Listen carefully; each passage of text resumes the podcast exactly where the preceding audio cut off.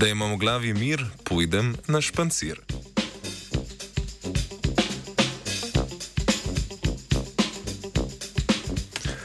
Današnji zbritov namenjamo raziskavi ameriške znanstvene skupine, ki ugotavlja, zakaj nekaterim hoja pomaga uspešneje opraviti kognitivno nalogo in drugim ne. Študijo smo prebrali v reviji Cerebral Cortex, razkriva pa nam, da tisti, ki so uspešnejši v upravljanju naloge med hojo, kažejo fleksibilnejšo prerasporeditev kognitivnih verov.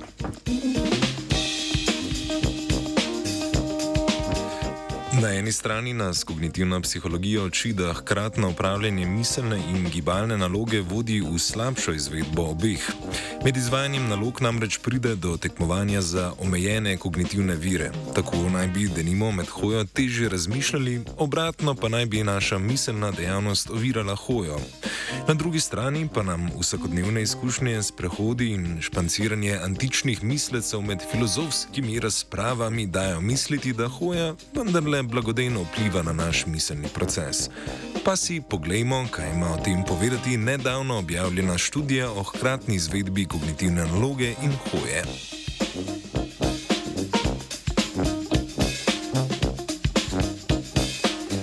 V raziskavo je bilo vključenih 26 zdravih oseb, starih med 18 in 30 let.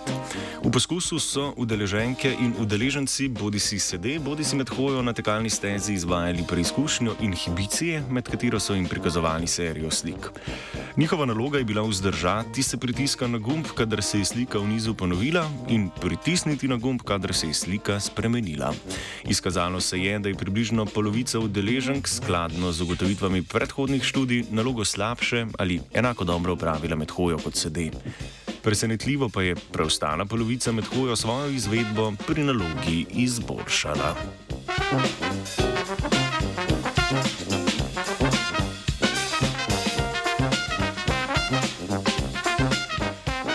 Raziskovalke in raziskovalci so med izvedbo naloge inhibicije upravili tudi snemanje možganske aktivnosti z elektroencefalografijo, krajše EEG.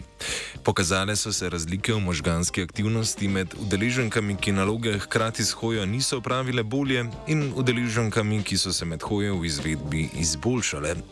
Znanstvena ekipa zaključuje, da je uspešnejša skupina udeležencev in udeleženk verjetno prilagodila svojo kognitivno strategijo odziv na povečane zahteve naloge. Ta prilagoditev je bila vidna v spremembi možganske električne aktivnosti v izvedbi naloge med hojo napram sedečemu stanju.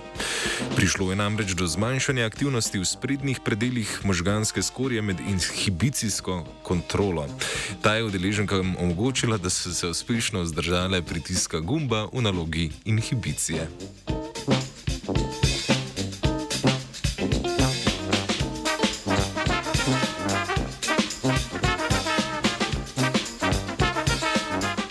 Ugotavljanje mehanizmov v ozadju, prepleta hoje in miselnih procesov so seveda potrebne nadaljne raziskave.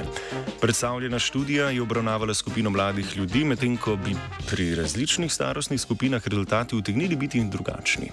Prav tako nam merjenje možganske električne aktivnosti s pomočjo EEG-ja ne omogoča izpeljave jasnih zaključkov glede živčnih mehanizmov v ozadju in uporabe kognitivnih strategij.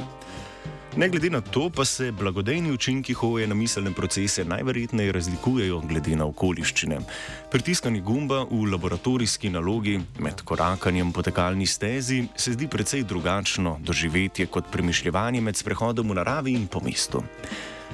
Ali hoja na vaš miselni proces deluje blagodejno ali ne, tako najbolje presodite kar same zase.